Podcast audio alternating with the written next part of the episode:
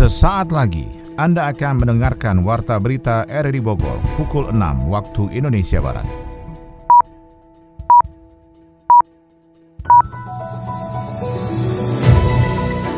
Selamat pagi dan salam jumpa. Kami kembali hadir dalam Warta Berita edisi hari ini, Rabu 5 Mei 2021. Siaran ini bisa Anda dengarkan juga melalui streaming audio di aplikasi RRI Play pada pengangkat smartphone Anda dan bisa Anda dengarkan juga melalui podcast kami di Spotify, Anchor, Portal, dan Google Podcast. Berita utama hari ini adalah anggota Dewan Pengarah Badan Pembinaan Ideologi Pancasila BPIP, Richard Bangun mengatakan Pancasila harus dimasukkan ke dalam proses pengajaran kepada anak didik. Kejaksaan Negeri Kota Bogor menunggu respon masyarakat atas kinerja pelayanan lembaga penegak hukum. Bersama saya Maulana Isnarto, inilah Warta Berita selengkapnya.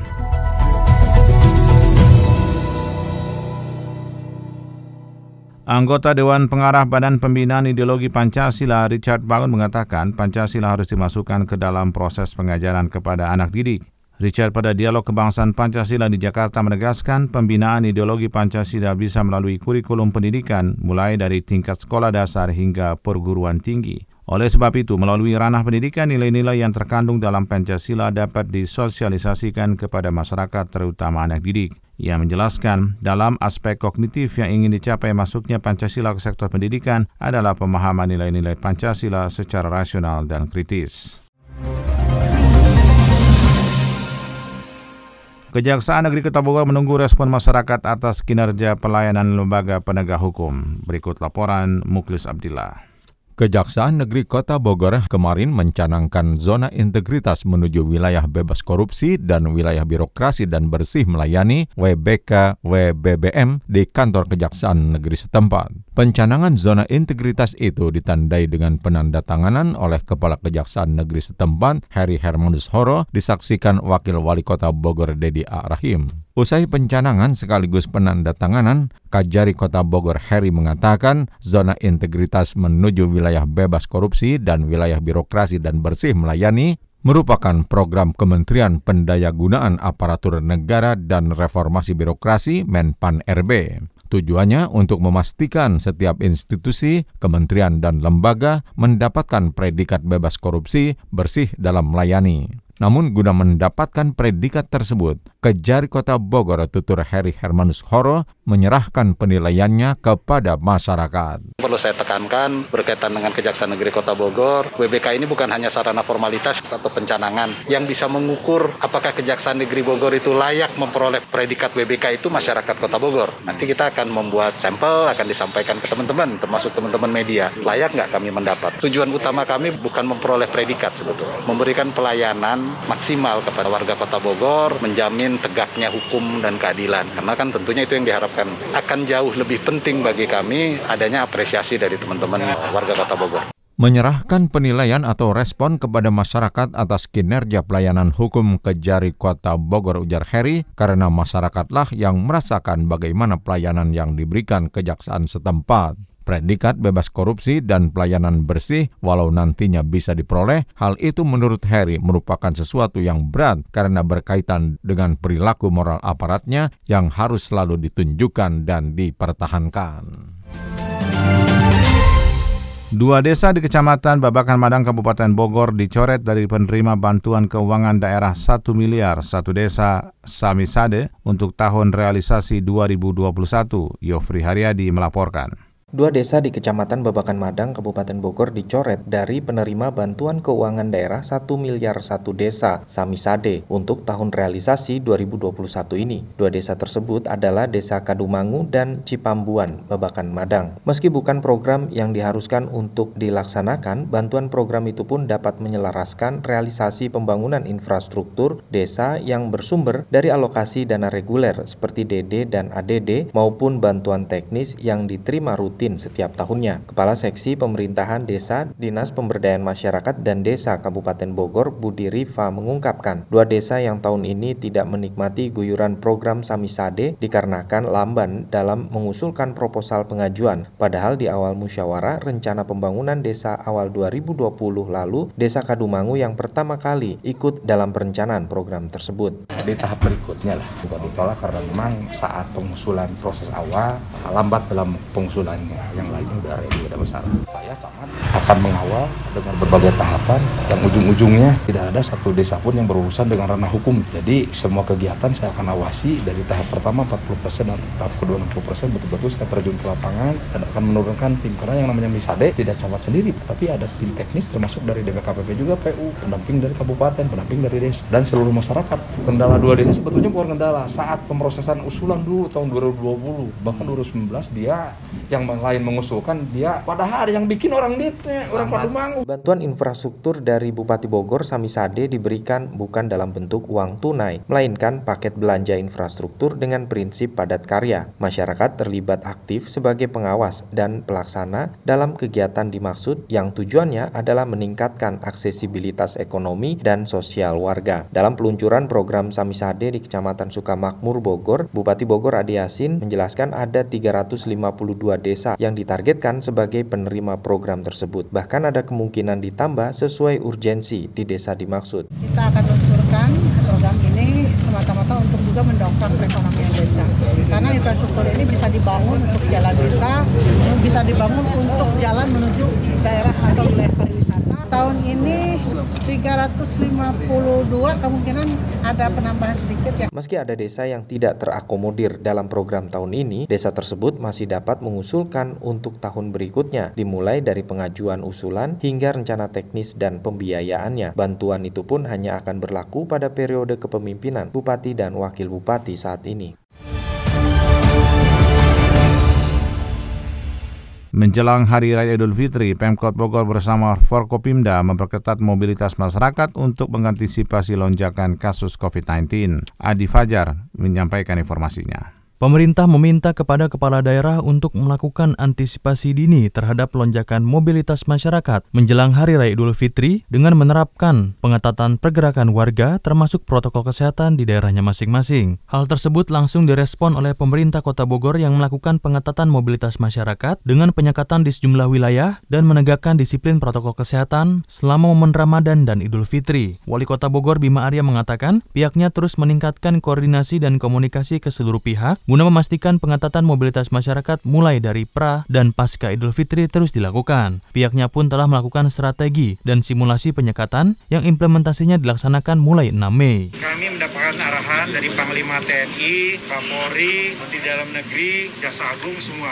Intinya adalah ada indikasi mulai terjadi lonjakan COVID. Jadi kalau kita lengah, kerumunan dibiarkan, arus mudik tidak diantisipasi, tempat ibadah tidak melakukan prokes, maka ada potensi, ada indikasi kuat kita akan mengalami lonjakan kedua.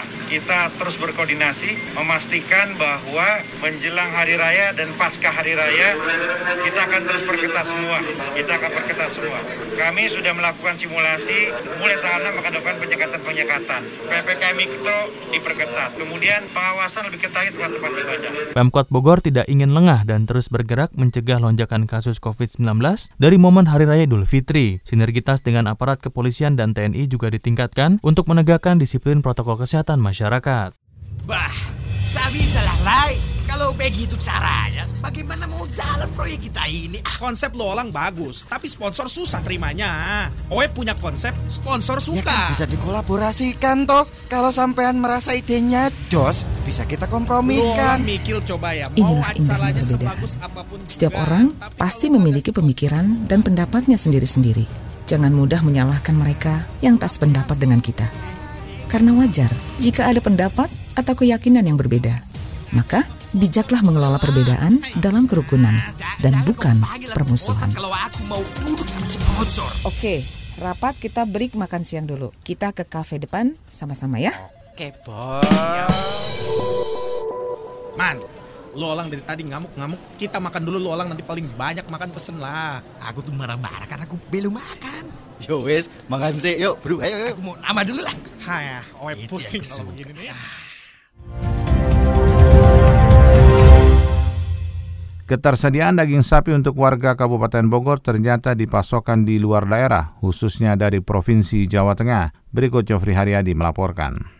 Ketersediaan daging sapi untuk warga Kabupaten Bogor ternyata lebih banyak bersumber dari pasokan dari luar daerah, salah satunya dari Provinsi Jawa Tengah. Hal tersebut dikarenakan kemampuan peternak sapi lokal hanya sebatas penggemukan, belum pada taraf budidaya. Hal inilah yang dinilai rentannya pergerakan harga daging sapi di wilayah Jabodetabek, terlebih pada saat terjadi kenaikan permintaan. Harga daging sapi per kilogramnya dapat tembus hingga 100% dari harga normal dan pernah terjadi jelang Idul Fitri pada tahun sebelumnya di Kabupaten Bogor. Kepala Bidang Kesehatan Hewan dan Kesehatan Masyarakat Veteriner Dinas Peternakan dan Perikanan Kabupaten Bogor Prihartini mengatakan impor daging sapi dari Australia sedang sangat tinggi. Pemerintah pusat berencana melakukan impor sapi dari Meksiko untuk menekan harga daging sapi di dalam negeri khususnya Jabodetabek. Supply demand, supply demand karena permintaan naik kan, persediaan kalau daging itu memang agak lagi agak susah karena impor Australia sudah harganya sudah sangat tinggi. Dari lokal sapinya juga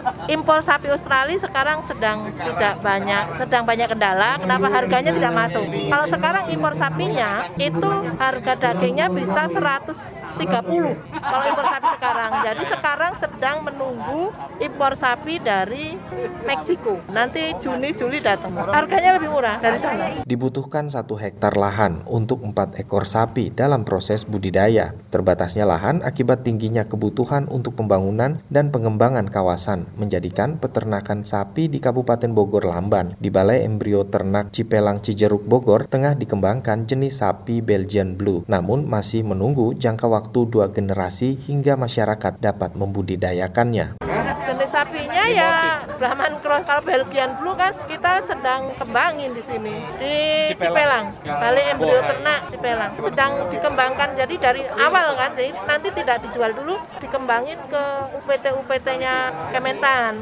Setelah banyak baru. Wilayah Bogor, baik kota dan kabupaten sudah dikenal oleh para pedagang sapi sebagai daerah pasar atau lebih banyak membeli dibandingkan membudidayakan. Upaya menjadikan Bogor swasembada daging sapi tengah dirancang bersama IPB University dengan membuka peternakan rakyat skala besar di Kecamatan Jonggol. Anda tengah mendengarkan Warta Berita RRI Bogor. Muspida Kota Bogor memberi contoh tidak mudik lebaran 2021. Berikut laporan Sony Agung Saputra. Langkah nyata memberikan contoh kepada masyarakat dalam mencegah penularan COVID-19 saat berlangsungnya Ramadan dan Lebaran 2021 ini berlangsung dari pemerintah daerah Kota Bogor bersama jajaran musyawarah pimpinan daerah setempat. Diketahui dalam pelaksanaan Lebaran mudik tahun ini pemerintah dari pusat dan daerah sudah menyatakan tidak boleh mudik ke kampung halaman karena bisa saja terjadi penularan COVID-19 saat pergerakan antar manusia dari daerah ke daerah sehingga menambah daftar panjang angka positif corona dan tingginya angka kematian di saat pandemi ini. Untuk itu pemerintah daerah Kota Bogor bersama Muspida setempat melakukan langkah agar bisa mencegah masyarakat untuk mudik karena berpotensi menjadi penularan saat pandemik. Wali Kota Bogor Bima Arya menjelaskan seluruh unsur Muspida tidak boleh ada yang mudik ke kampung halaman kecuali yang diperbolehkan di sekitaran Jabodetabek sehingga pihaknya memberikan contoh kepada masyarakat untuk patuh terhadap anjuran dalam memutus mata rantai penyebaran COVID-19. Jika ada aparatur sipil negara TNI Polri yang melakukan mudik maka pihaknya langsung melakukan dan memberikan teguran bahkan sanksi tegas kepada semua yang melanggar. Mudik tanpa kecuali mulai tanggal 6 sampai tanggal 17. Sepeda ya. juga nggak ada yang mudik? Nggak ada, kita nggak ada yang mudik. Presiden juga nggak mudik, semua nggak ada yang mudik. Saya melarang keras semua keluar kota kecuali Jabodetabek. Jabodetabek boleh, di luar Jabodetabek nggak boleh. Sanksi keras nanti. Ya untuk ASN semuanya akan sanksi keras, semuanya standby. Semas KPD juga memberikan laporan secara berjenjang yang nantinya menjadi bahan evaluasi dari pemerintah Kota Bogor dalam hal ini kepala daerah untuk mengambil tindakan saat berlangsungnya Lebaran 2021. Forkopimda Kota Bogor siap memberikan sanksi kepada travel gelap yang mengangkut pemudik. Kembali Sony Agung Saputra melaporkan. Aparatur Polresta Bogor Kota dan Kodim 0606 Kota Bogor mencurigai adanya indikasi pemudik yang menggunakan angkutan pribadi dan angkutan charteran atau travel gelap untuk pergi ke kampung halaman mudik lebaran 2021. Indikasi itu setelah adanya pelarangan mengangkut penumpang baik itu transportasi umum dan pribadi dari wilayah di luar Jabodetabek ke daerah lainnya di Indonesia. Kapolresta Bogor Kota Kombes Pol Susatyo Purnomo Condro menjelaskan, upaya sekat perbatasan sudah dilakukan seperti di stasiun Bogor dan terminal Barang Siang untuk melarang adanya angkutan yang membawa pemudik pergi keluar Jabodetabek. Patroli ke wilayah juga berlangsung untuk adanya travel atau mobil charteran gelap yang mengangkut pemudik untuk ke daerah luar Jabodetabek. Menurut Kombes Pol Susatyo Purnomo Condro, jika ada travel atau mobil charteran gelap yang membawa mudik, maka pihaknya langsung memberikan sanksi tindak pelanggaran atau tilang karena sudah melanggar aturan saat pandemi COVID-19 pemudik sudah kami monitor untuk tempat-tempat travel gelap tersebut. Kan nanti akan ada pola-pola penutupan terminal dan sebagainya antar luar kota. Nah, kita akan cari untuk travel travel gelap yang mungkin bisa digunakan. Bentuk penilangan itu ada, undang-undang lalu lintas. Untuk itu peran polisi dari mulai RW hingga Kota Bogor akan berperan optimal sebagai upaya memutus mata rantai penyebaran COVID-19 dengan deteksi dini jika ada upaya untuk mudik ke kampung halaman agar segera mendapat penanganan dan penindakan secara tegas oleh petugas di lapangan. Dari informasi ekonomi dikabarkan pemanfaatan NIK untuk ketepatan subsidi merupakan salah satu rencana aksi yang dilakukan Tim Strategi Nasional Pencegah Korupsi Stranas periode 2021-2022. Selengkapnya akan dilaporkan Adi Fajar Nugraha. Pemanfaatan nomor induk kependudukan atau NIK untuk ketepatan subsidi merupakan salah satu rencana aksi yang akan dilakukan oleh Tim Strategi Nasional Pencegahan Korupsi pada periode 2021-2022. Komisi Pemberantasan Korupsi (KPK) pernah menyebut persoalan utama dalam penyelenggaraan bantuan sosial adalah soal akurasi data penerima bansos, baik itu terkait kualitas data penerima bantuan, transparansi data, maupun pemutakhiran data. Rendahnya kualitas dan transparansi data berdasarkan keluhan yang masuk ke aplikasi Jaga Bansos mengakibatkan permasalahan dalam penyaluran bansos seperti bansos tidak tepat sasaran, tumpang tindih serta tidak transparan. Permasalahan tersebut berpangkal dari masalah pendataan, salah satunya data terpadu kesejahteraan sosial atau DTKS yang tidak padan data dengan NIK dan tidak terbaharui sesuai data kependudukan serta minimnya informasi tentang penerima bantuan. Sementara itu Mensos Tri Risma hari ini meminta KPK ikut membantu kementeriannya dalam memperbaiki DTKS yang menjadi basis pemberian bansos. Paguyuban Peternak Rakyat Nusantara atau PPRN kembali menggelar aksi damai untuk mendesak Kementerian Pertanian memperbaiki tata niaga unggas terutama ayam. Hal itu dilakukan agar peternak mandiri tidak semakin terpuruk. Ketua PPRN Alvino Antonio mengatakan, carut-marut tata niaga tersebut membuat harga jual ayam broiler yang mereka besarkan selalu berada di bawah harga pokok produksi atau HPP. Saat ini misalnya, harga ayam broiler hanya di kisaran Rp20.220 hingga Rp21.000, sementara harga produksinya bisa mencapai Rp22.000. Tuntutan PPRN sendiri adanya jaminan suplai ke peternak rakyat mandiri sesuai pasal 19 ayat 1 Peraturan Menteri Pertanian nomor 32 tahun 2017 tentang penyediaan, peredaran dan pengawasan ayam ras dan telur konsumsi. Lebih lanjut PPRN berharap pemerintah melakukan penyerapan ayam hidup saat harga farm gate di bawah HPP peternak mandiri sesuai dengan peraturan yang berlaku, serta melarang perusahaan integrasi dan afiliasinya menjual ayam hidup dan budidayanya 100% masuk rumah potong hewan unggas. Kementerian Pertanian menurut Alvino harus berani memberikan sanksi kepada perusahaan integrasi atau importir, grand parent stock, atau bibit ayam indukan maupun perusahaan pakan ternak yang tidak mematuhi aturan tersebut. Assalamualaikum warahmatullahi wabarakatuh. Saya Syarifah Sofia selaku Sekretaris Daerah Kota Bogor mengucapkan selamat menjalankan ibadah puasa Ramadan 1442 Hijriah bagi seluruh umat Islam. Semoga kita mendapatkan berkah dan pahala Ramadan untuk perbaikan diri dan kemaslahatan umat manusia. Wassalamualaikum warahmatullahi wabarakatuh wabarakatuh.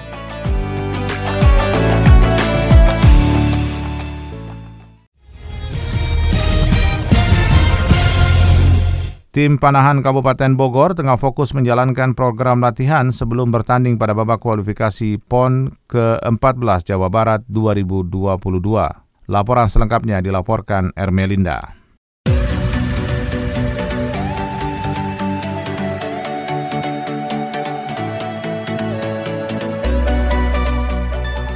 Palahan Kabupaten Bogor tengah fokus menjalankan program latihan sebelum bertanding pada babak kualifikasi Pekan Olahraga Provinsi BK Porprov ke-14 Jawa Barat 2021. Latih Panahan Pengcap Persatuan Panahan Indonesia Perpani Budi Sartono mengatakan, hingga saat ini para atlet terus berlatih di venue Panahan Stadion Pakansari Cibinong, meski mereka tengah menunaikan ibadah puasa. Ia menjelaskan porsi latihan atlet berjalan terus tidak ada kendala, bahkan jadwal berlatih atlet sudah ditetapkan pada hari Selasa, Kamis, dan Sabtu dan untuk waktu latihan dilakukan pagi dan sore hari di lapangan Panahan Pakansari. Budi menyampaikan bagaimana timnya terus melakukan perekrutan atlet-atlet Panahan di Kabupaten Bogor dengan melakukan pelatihan khusus. Saat ini kita merekrut junior, kita bekerja sama dengan klub-klub yang ada di Kabupaten Bogor sebagai kepanjangan tangan ya dari Bapak Kabupaten Bogor untuk menjaring atlet-atlet junior melalui klub tersebut kita bantu untuk pembinaan ke arah jenjang prestasi itu. Budi menambahkan untuk BK Porprov 2021 tim Panahan Kabupaten Bogor sudah menyiapkan 20 atlet terbaik hasil binaan Pengcap Perpani Kabupaten Bogor. Kendati anggaran pembinaan cabang olahraga dari Komite Olahraga Nasional Indonesia KONI Kabupaten Bogor belum turut, namun tidak menyurutkan semangat para atlet, pelatih dan pengurus Perpani Kabupaten Bogor untuk selalu menjalankan roda pembinaan maupun pelatihan kepada para atlet binaannya. Budi juga menjelaskan bagaimana perkembangan cabur Panahan di di Kabupaten Bogor di mana atlet senior sudah semakin berkurang. Kembangan saat ini memang kita masih banyak atlet pemula ya yang perlu pembinaan khusus untuk ke arah jenjang prestasi. Jadi atlet senior saat ini tinggal sedikit, kebanyakan masih junior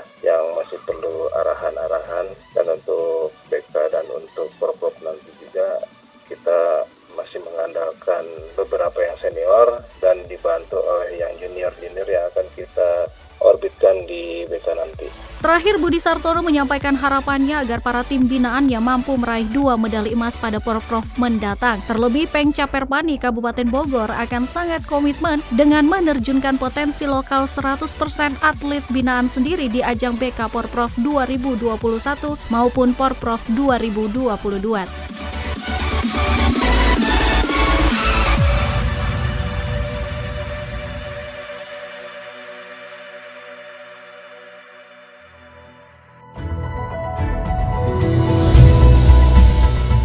Demikian rangkaian informasi dalam Warta Berita di edisi hari ini. Sebelum berpisah kami sampaikan berita utama. Anggota Dewan Pengarah Badan Pembinaan Ideologi Pancasila Richard Bangun mengatakan Pancasila harus dimasukkan ke dalam proses pengajaran kepada anak didik. Kejaksaan Negeri Kota Bogor menunggu respon masyarakat atas kinerja pelayanan lembaga penegak hukum. Saya Melanda Isnarto, mewakili kerabat kerja petugas mengucapkan terima kasih atas perhatian Anda. Selamat pagi, sampai jumpa.